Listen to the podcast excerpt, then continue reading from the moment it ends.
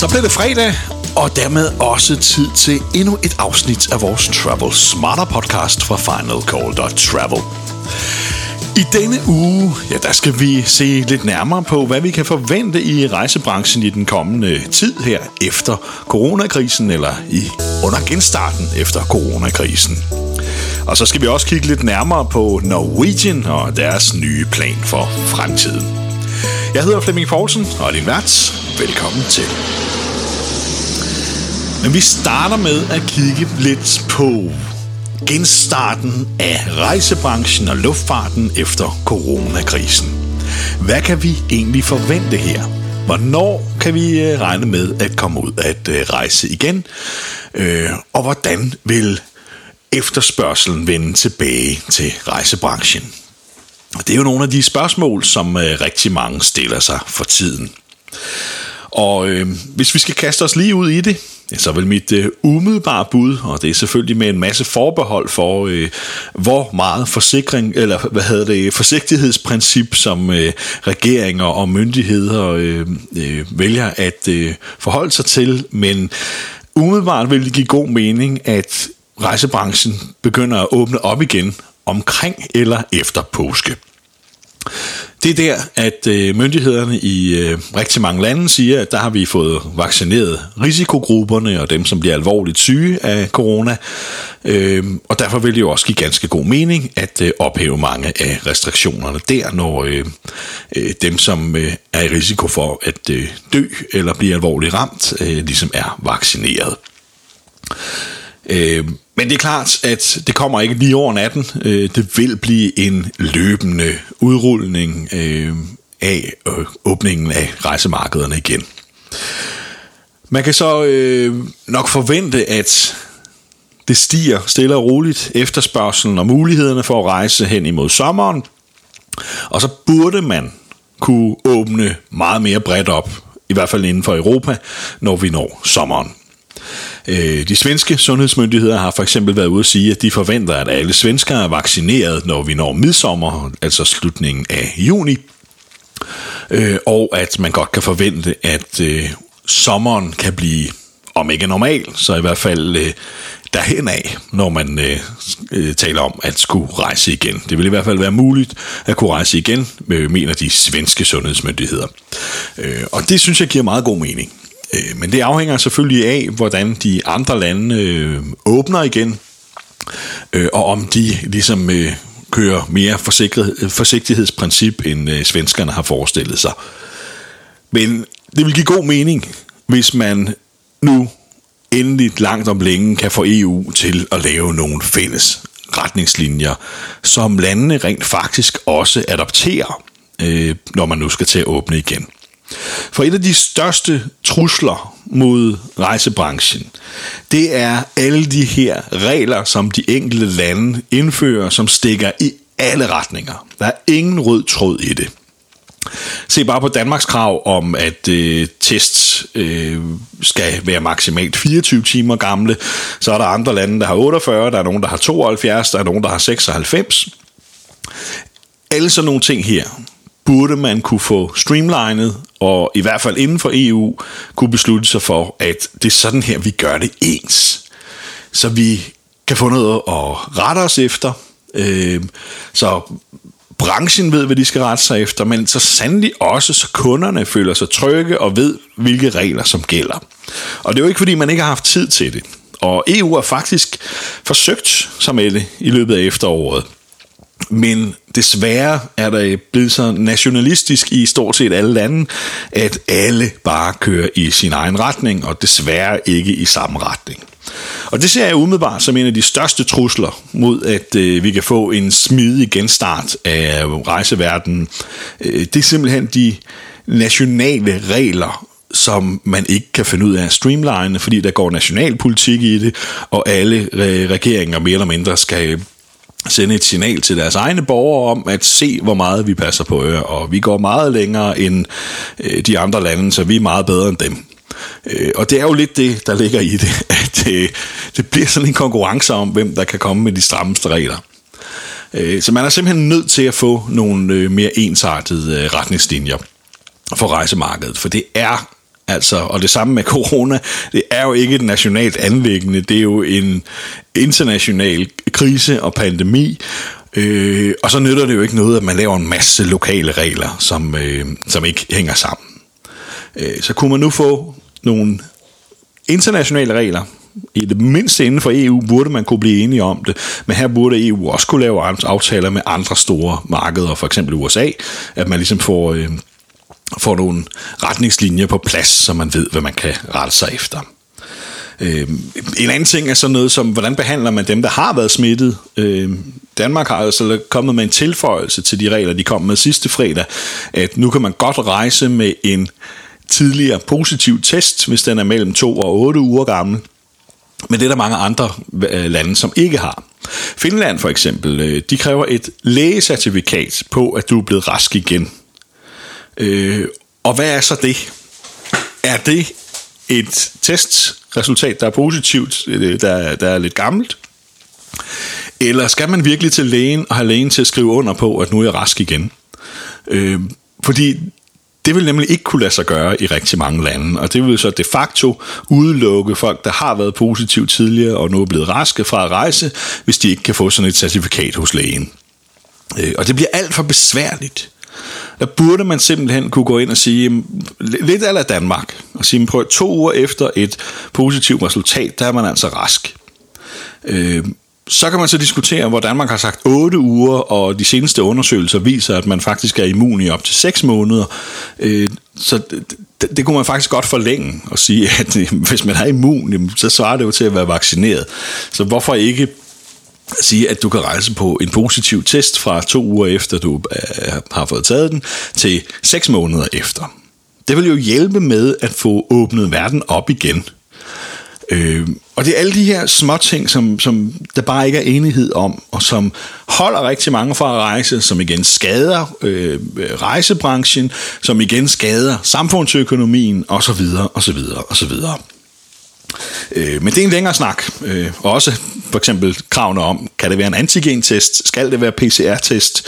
Øh, der har Danmark været rimelig fleksible. Til gengæld så sætter 24 timers krav så rejsende i et enormt problem i rigtig mange lande, fordi det er ikke alle lande, der tester sig uhemmet, som man gør i Danmark, og der kan være rigtig mange steder i øh, verden, hvor det er rigtig svært, hvis ikke umuligt, at få en test, der kun er 24 timer gammel, inden du border flyet. Og det har man så ikke lige tænkt over. Eller også havde man. Det ved man jo ikke. Øh, Udenrigsministeriets øh, løsning på det er, at jamen, så må man jo bare booke sin flybillet om, og så tage en test der, hvor man mellemlander, inden det sidste flyvning hjem til Danmark. Men sådan fungerer virkeligheden jo ikke. Man kan jo ikke bare ringe til sit flyselskab og sige, øh, jeg har booket den her billet, men gider ikke lige flyve mig et andet sted hen, så jeg kan blive testet. Øh, det, det kan man jo ikke, øh, fordi sådan fungerer fleksibiliteten på flybilletterne, og resten af verden bare ikke. Øh, så her burde man kunne komme op med nogle lidt mere fleksible og smartere måder. Målet med det her må jo være at sørge for, at færrest muligt er smittet ombord på fly. Ikke at gøre livet sværest muligt. Øh, og det kan man måske spørge sig selv lidt om, om det så er lykkes.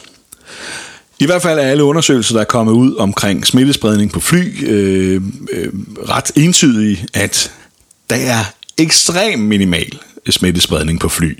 Blandt andet fordi flyenes udluftningssystemer er indrettet, som de er, øh, med HEPA-filtre, og luften bliver altså ikke spredt rundt i kabinen, og den bliver renset øh, med ganske få minutters intervaller. Øh, og der er ingenting, der tyder på, at der er en større smittespredning ombord på fly. Det kan der selvfølgelig være i lufthavnene, hvor man ikke har de her HEPA-filtre, men så må man jo tage andre midler i brug og, og øh, være lidt mere øh, rigid om at holde afstand og sådan nogle ting. Så man får løst de her problemer, i stedet for bare at lave hurdles for folk, der har behov for at rejse. Men hvornår starter markedet så igen? Jeg var lidt inde på, at omkring påske, øh, stigende hen mod sommeren, i hvert fald på kortruterne, øh, og det øh, er jo så primært rettet mod fritidsrejsende. For det er ganske givet den del af rejsemarkedet, som vender tilbage først.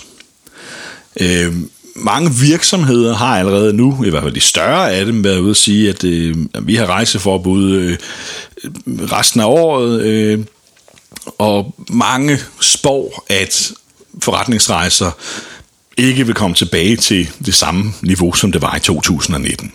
Det er jeg nu ikke enig i. Jeg tror faktisk, at øh, det vil vende tilbage. Det vil tage lidt længere tid end turistrejserne, men over tid vil også de her virksomheder finde ud af, at man kan ikke erstatte fysiske møder med Teams og Zoom og Meet-møder.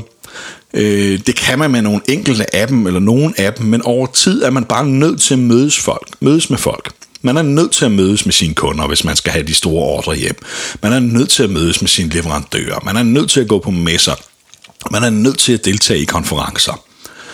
Øh, men det er klart, der er nogle kræfter, der spiller ind her. Mange virksomheder ser det som deres mulighed for at få sparet på rejsebudgettet, øh, og håber, det kan blive permanent, for de synes, det har været skønt at spare de penge i øh, det sidste år.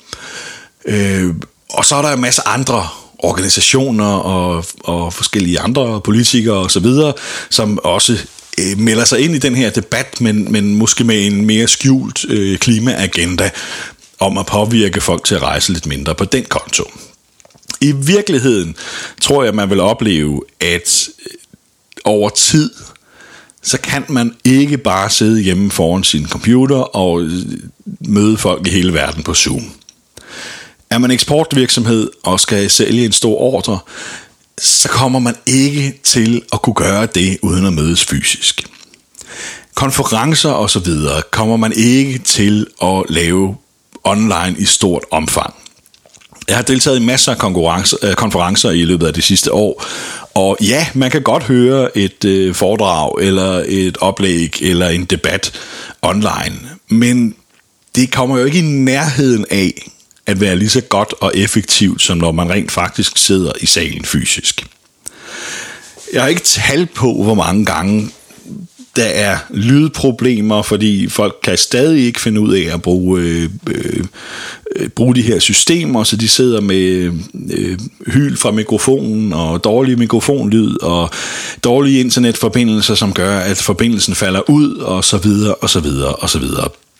Og det er og bliver et irritationsmoment, det er og bliver noget, der fjerner fokus fra det, det handler om. Og samtidig så sidder man jo øh, hjemme ved sin computer og, og bare lytter, og så tænker man, jamen så kan jeg sidde og arbejde på noget andet øh, imens, og det betyder så, at man mister koncentrationen og mister fokus på det, det handler om. Og samtidig, måske den allervigtigste ting, er jo, at du har jo slet ikke alt det her networking med. Du hører foredraget og oplægget, men du har jo ikke alt korridorsnakken. Du har jo ikke, du møder jo ikke alle de her folk, som du ikke nødvendigvis lige havde tænkt på at mødes med, og som øh, eller bliver introduceret for nogen via dine kontakter, og så videre, og så videre.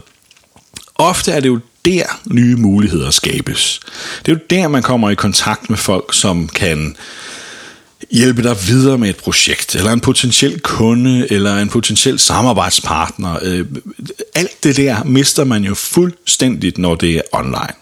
Så det ser meget fint ud på papiret, men i, min, øh, i mit tænk på det, er det bare ikke en erstatning. Det er et supplement, og man kan ganske sikkert erstatte mange øh, små interne møder ved at gøre det online, og måske spare lidt på rejsebudgettet der, men der er virkelig også en stor del, som man ikke kan erstatte. Det, det er en nødløsning, man har levet med i løbet af krisen her. Det er ikke en, øh, en fuldgyldig erstatning for det. Øh, men det må tiden jo vise, hvordan det bliver. Jeg tror ikke, at man kan fortsætte øh, med ikke at rejse. Og jeg tror også, man vil komme tilbage til et øh, niveau, der er meget tæt på, øh, hvis ikke det samme som 2019. Men ja, det kan godt tage nogle år, inden øh, beancounterne i virksomhederne finder ud af, at det var nogle dyre penge at spare de her. Fordi hvis du ikke kommer ud og mødes med potentielle kunder, så er der nogle andre, der gør. Så gør dine konkurrenter det. Og så bliver du hægtet bagud og mister de her ordre. Og, og det er jo sådan, konkurrencen foregår. Øh, at det er den, der er smartest og løber hurtigst øh, og er først på bolden, øh, som vinder. Og det vil man øh, ganske givet også finde ud af i forretningsverdenen, tror jeg. Øh, og med hensyn til at få efterspørgselen op, når verden begynder at åbne igen, så tror jeg, vi vil se en ketchup-effekt. Der er et enormt behov og trang til at komme ud og rejse igen. Øh, som sagt vil det blive turistmarkedet, der øh, vil være den store driver i starten. Øh, men har vi altså rigtig mange folk rundt omkring i verden, som ikke har fået brugt en øre på deres rejsebudget det sidste år. Det vil sige, de har penge, hvis man vel og mærket ikke er blevet ramt økonomisk alt for meget øh, under krisen her. Øh, og man har også et behov. Nu har man gået rundt i den skandinaviske vinter, øh, og har ikke fået lys i månedsvis og så videre. Der er et enormt behov og ønske om at komme ud og få sol og oplevelser og så videre igen, efter vi har gået rundt herhjemme så lang tid. Så jeg er slet ikke i tvivl om, at vi kommer til at se en stor ketchup-effekt. Så snart markedet åbner, så står folk i kø for at komme ud og rejse igen øh, på ferier i hvert fald. Og derfor vil vi også se i første omgang, øh, at det bliver kortruterne, som øh, får det største boost, og så kan det måske tage lidt længere tid med langruterne, også fordi at det måske kan blive lidt sværere med indrejseregler og, og det her med, at reglerne stikker i alle retninger, og landene kører deres, egen, deres eget løb osv. Der vil det nok være lidt lettere at få streamlinet øh, mulighederne inden for for eksempel Europa. Øh, og det passer jo meget godt til, at det også er det store øh, marked for rejser øh, i løbet af sommeren, øh, hvor vi forventer, at øh, markedet begynder at øh, åbne igen. Øh, men den største trussel, som sagt, det er alle de her nationalistiske regler. Det skal vi have løst. Vi skal have ensrettighed meget, meget mere. Øh, så man ved, hvad man kan rejse med, øh, regne med. For de her, øh, den her usikkerhed holder altså også mange fra at booke. Øh, og der burde man jo have styr på det allerede nu. Så folk vidste, at til sommer kan vi godt rejse. Øh, til sommer er vi klar på at åbne igen, fordi så vil de begynde at booke deres rejser allerede nu. Jeg har selv siddet og kigget på mange rejser, kender mange, som har gjort det, og som er klar til at trykke på booking-knappen. Men på grund af usikkerheden, jamen, så venter man. Og det skader jo hele rejsebranchens økonomi, at de ikke ved, hvad de kan regne med, at de ikke får nogle penge i kassen. Det er jo sådan, at økonomien er bygget op der øh, på forudbestillinger. Øh, og det kunne måske være en rigtig stor hjælp til branchen at få lavet nogle forudsigelige retningslinjer, så folk fik mod på at gå i gang med at planlægge fremtidige rejser igen. Øh, så øh, det håber jeg, at der sker. Jeg kan godt tvivle, men jeg kan håbe. Det var ligesom mit take på, øh, hvordan jeg ser, markedet kan åbne igen her øh, efter corona. En anden stor ting, vi har øh, kigget på i løbet af ugen, er Norwegian. Norwegian har jo som alle andre flyselskaber, været igennem en enorm krise her i året. Øh, Norwegian er lidt hårdere ramt end gennemsnittet, fordi de stod i en øh, meget svær økonomisk situation allerede inden corona ramte. Øh, og øh, det har jo så betydet, at de stort set siden foråret har været på randen af konkurs. Nu er de ved at øh, reetablere selskabet via konkursretten i Irland, og øh, i går kom de så med en plan for fremtiden, som øh, ledelsen i Norwegian mener er det, der skal til for at redde selskabets fremtid. Og det kommer ikke uden omkostninger. For det første så vil de øh, nuværende aktionærer blive udvandet helt ekstremt. Øh, de nuværende kreditorer vil miste store penge og der skal rejses flere penge også. Og en af de vigtige og store ting i den nye plan er, at det er slut med langruter hos Norwegian. Det meldte de ud i går. De skal ikke flyve langruter længere.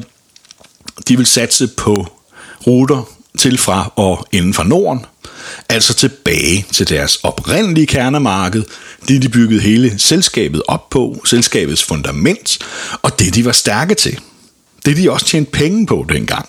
For der er jo ingen tvivl om, at det er meget af langruterne, som har gjort, at øh, Norwegian øh, er endt i den her katastrofale økonomiske situation, som, øh, som de er. Det er ikke enkelt at drive lavprisselskab på langruter. Det har andre prøvet før Norwegian uden succes. Det har stort set alle med erfaring i branchen advaret imod, fordi det er bare en anden størrelse end kortruter. Øh, men Bjørn Kjos, den tidligere chef i Norwegian, øh, havde andre planer. Han mente, at det kunne han gøre bedre end alle de andre, og nu skulle han erobre verden. Og det blev altså også det, som blev Norwegians største fjende til sidst. Det var hans nogen vil måske sige storhedsvandvid, andre vil kalde det store ambitioner. Øh, men det blev faktisk det, som øh, blev det store problem for Norwegian, og som gjorde, at de var i en ekstrem svær situation allerede inden corona ramte, og dermed slet ikke var polstret til sådan en krise. Øh, men jeg håber, at de øh, kommer igen, og at deres plan lykkes. Det bliver en dyr øh, operation for alle, der har investeret i Norwegian og øh, lånt penge til Norwegian. Øh, men det vil være sundt for det skandinaviske luftfartsmarked, hvis Norwegian overlever, fordi balancen mellem Norwegian og SAS har altid været god. I virkeligheden for alle. Man kan måske sige, ja, det har været en blodig konkurrence mellem de to selskaber, men alt andet lige, så er nu stadig af den opfattelse, at det har været en sund konkurrence mellem de to selskaber. SAS' øh, nu afgående chef, Rikard Gustafsson, har også ved flere lejligheder sagt, at han faktisk er glad for Norwegian som konkurrent. Det er en god konkurrent. Det holder SAS på tæerne. Det har fået det støvede, gamle, statsejede selskab øh, øh, op i nutiden. Det har gjort dem konkurrencedygtige. Det har presset SAS til at få sparet på omkostningerne og drive meget mere kommercielt. Øh, og inden corona kunne man se, jamen der tjente SAS jo også penge. Og i hvert fald øh, øh, tidligere, jamen der tjente Norwegian også penge. Så der er plads til begge to til at lave en rentabel operation. Og konkurrencen gør, at priserne bliver holdt i skak, så vi som forbrugere også får øh, et øh, rigtig sundt og godt marked og nogle fornuftige priser. Og for SAS for eksempel er Norwegian en langt bedre konkurrent end øh, Ryanair, Wizz Air osv., fordi de er langt mere aggressive. Og det vil SAS have langt sværere ved at konkurrere mod, ikke mindst på grund af lavprisselskabernes meget lavere omkostningsniveau. Øhm, men fordi Norwegian har været så store her, så har det altså også holdt nogle af de andre ude, som har rent faktisk givet et ret sundt marked i Skandinavien. En, en god balance mellem konkurrence, øh, lave priser, men samtidig på et niveau, hvor det har været rentabelt for flyselskaberne. Og det skal vi huske på som forbrugere, at det bedste for os er ikke altid bare at få så lave priser som overhovedet muligt. Det er at få gode priser og fornuftige priser, som stadig er rentable for flyselskaberne, for det er det, der gør, at de kan investere i fremtiden, det er det, der gør, at de kan investere i nye fly, i nye ruter, i flere frekvenser, som giver os et langt bedre udvalg. Et lavprisselskab vil være meget mere, eller have meget mere fokus på det, vi kalder cherry picking, hvor de går ind og tager nogle enkelte ruter, som har stort volumen, flyver dem med forholdsvis lav frekvens for at fylde flyene helt op. Øh, og det kan være fint, når man skal på ferie. Men for erhvervslivet er det ikke fint. Erhvervslivet skal have frekvenser. De skal ikke vente til dagen efter med at rejse hjem fra et møde, for det koster penge på en anden konto. Og derfor er det vigtigt, at vi har alle typer selskaber. Et fornuftigt mix som både kan holde priserne nede, men som også kan holde frekvenserne oppe og ruteudvalget oppe, så vi slipper for at mellemlande. Øh, det, er, øh, det er et sundt marked. Og det betyder ikke, at øh, priserne skal, øh, det skal koste 100 kroner per vej. Øh, det må godt koste lidt mere, hvor man så til gengæld sikrer, at man får et langt større udbud, og ikke bare lavprisselskabers cherrypicking.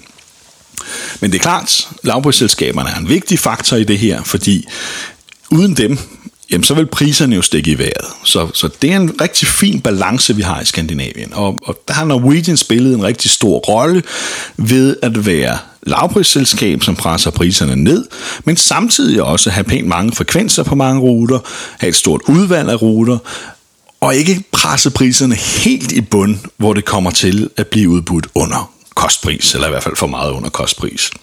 Det kan man så argumentere for, at det har de muligvis gjort på langruterne, i kraft af, at øh, de er i den økonomiske situation, de er, øh, og aldrig øh, rigtig fik succes økonomisk med langruterne. Overfor kunderne fik de jo succes. De havde jo ikke et problem med at fylde flyene. Kunderne var forholdsvis glade i hvert fald i de tilfælde, hvor de ikke strandede på grund af tekniske problemer og ikke fik hjælp øh, af Norwegian til at blive ombooket osv. Men lad os nu se bort fra det. Øh, øh, så er det jo et produkt, som, eller var et produkt, som rigtig mange kunder var glade for. Det åbnede nogle flere muligheder.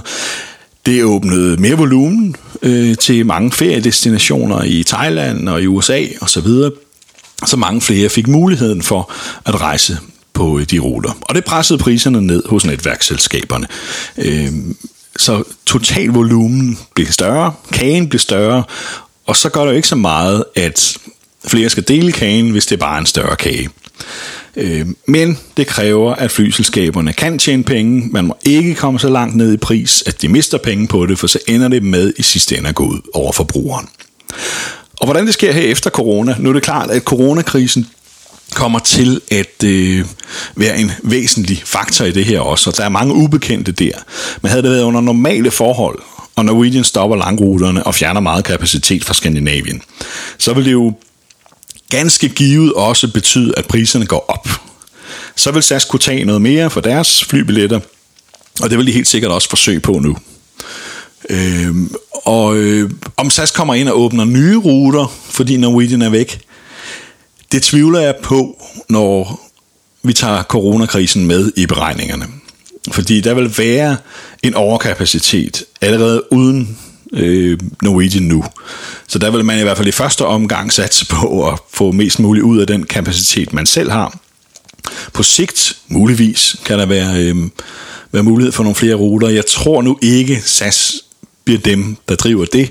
Der tror jeg måske mere, at det bliver et mix af andre selskaber, der går ind og ser et hul i markedet. Det kunne være når vi vel og mærket vender tilbage til det normale, så kunne det være, at øh, United vendte tilbage til Oslo, øh, som de har fløjet tidligere, øh, øh, og, og fandt nogle, nogle ruter der, som øh, giver mening. Jeg er ikke sikker på, at det er SAS, der kommer til at drive den. For SAS ville det også give meget god mening at samle operationerne i København, som øh, hele tiden har været deres plan frem for at dele det alt for meget ud. Så der har SAS selvfølgelig Jokeren med de nye Airbus 321 Long Range, som øh, de øh, allerede er startet leveringerne på. Øh, den første skulle have været brugt på Boston-ruten, øh, og det bliver den jo så af gode grund ikke nu. Øh, og der er spørgsmålet så for SAS. Skal vi genstarte Boston-ruten, som er en rute, der er meget drevet af businessrejsende? Eller skal vi bruge det her fly på noget andet? Og det kunne for eksempel være at kickstarte Oslo-New York igen. Øh, fordi med, med et mindre fly, øh, så kan man måske komme tidligere i gang, øh, øh, hvis man kan bruge mindre fly på den rute. Det, det kunne godt være en mulighed. Ulempen ved den her Airbus 321 Long Range er, at den kan stort set ikke medtage noget fragt. Og fragt er en meget væsentlig del af en ruteoperation på langruterne. I hvert fald, hvis det ikke er en rute, som er overvejende en rute for forretningsrejsende. Så får man simpelthen for lidt for economy class billetterne, til at det kan betale sig at flyve, hvis man ikke også har fragt med. Og det er det her fly ikke specielt velegnet til. Øh, under normale forhold vil det være optimalt på Boston. Der er mange forretningsrejsende til Boston, betalingsvilligheden er stor, øh, og derfor er det et fantastisk fly til sådan en rute. Men skal man ud og lukrere på fragtindtægter og så videre også, og primært øh, turistrejsende, øh, så er det måske ikke helt så optimalt. Så det bliver enormt spændende at se, hvordan SAS øh, agerer i øh, den situation. Øh, de har nogle muligheder, de har nogle øh, heste at spille på, øh, og de har værktøjerne til at kunne fordele rigtigt. Spørgsmålet er så bare, hvordan fordeler de dem? Satser de på at få genstartet de eksisterende ruter først, eller benytter de lejligheden til at nedlægge nogle af dem, og så bruge kapaciteten på at prøve nye markeder? Øh, det har jeg ikke rigtig noget sådan 100% bud på, fordi jeg kunne i bund og grund godt se begge dele. Men jeg hælder måske mest til, at man fokuserer på at få sin oprindelige kerneforretning i gang igen. Der var trods alt en grund til, at man i første omgang valgte de ruter, øh, fordi det var der, man mente inden corona, at man kunne tjene flest penge. Så er der selvfølgelig jokeren, om markedet kommer til at se ud på samme måde efter corona, øh, og det ved man ganske enkelt ikke endnu. Øh, så jeg tror, det vil være smart af SAS i det her tilfælde lige at trække vejret og øh, se, hvordan tingene udvikler sig. Noget tyder også på, at det er det, de gør, i kraft af, at der endnu ikke er meldt noget ud om, hvordan øh, de her nye 321'er skal benyttes. Øh, så der tror jeg, man, man trækker vejret lidt og, og ser, når markedet starter igen, hvordan det udvikler sig, og så først træffer sin beslutning der. Men det bliver i hvert fald spændende at følge, det er der ingen tvivl om, fordi der er et shake-up i det skandinaviske luftfartsmarked med Norwegians ændringer, med indtoget af Wizz Air i, øh, øh på norsk indenrigs, øh, og det er klart, når man ligesom skal starte fra scratch igen, mere eller mindre i, i luftfartsbranchen, så åbner det også nogle muligheder for nogen. For det handler også om at komme ud først og få erobret de her markedsandele. Og, og de kan erobres. Der kan, spillereglerne kan ændres, når man ligesom er igennem sådan et reset, som man er nu. Øh, så det bliver enormt spændende at følge, hvordan øh, det her lander, når øh, markedet vender tilbage igen. Og det var nogenlunde de øh, emner, vi havde øh, planlagt at tage op i øh, denne uges podcast. Her til slut, ja, så vil jeg lige minde dig om, at øh, du kan gå ind på vores øh, Facebook-gruppe for øh, alle, som rejser mere end gennemsnittet. Den hedder Frequent Traveler Danmark. Søg den op på Facebook. Frequent Traveler Danmark. Der er masser af gode råd at finde. Øh, tips, tricks, hjælp. Folk er enormt hjælpsomme og enormt vidende der. Vi ser jo stort set dagligt, at folk får øh, meget hurtigere og meget mere præcise svar derinde, end øh, hvis de kontakter flyselskabernes kundeservice. Så øh, meld dig endelig ind der, hvis du tilhører gruppen af Frequent Travelers. Gruppen hedder Frequent Traveler Danmark og er øh, det største community for frequent travelers i øh, Danmark. Du kan også følge os på Facebook, der hedder vi Final Call, så går du ikke glip af alle de nyheder, vi skriver dagligt, øh, og holder dig øh, opdateret på alt, hvad der sker i øh, rejsebranchen. Øh, og ellers gå ind på vores hjemmeside finalcall.travel. Her til slut, ja, der vil jeg bare sige tusind tak, fordi du lyttede med. Tak for øh, ugen, der er gået. Jeg hedder Flemming Poulsen, har været din vært, og ser på genlyt snart igen.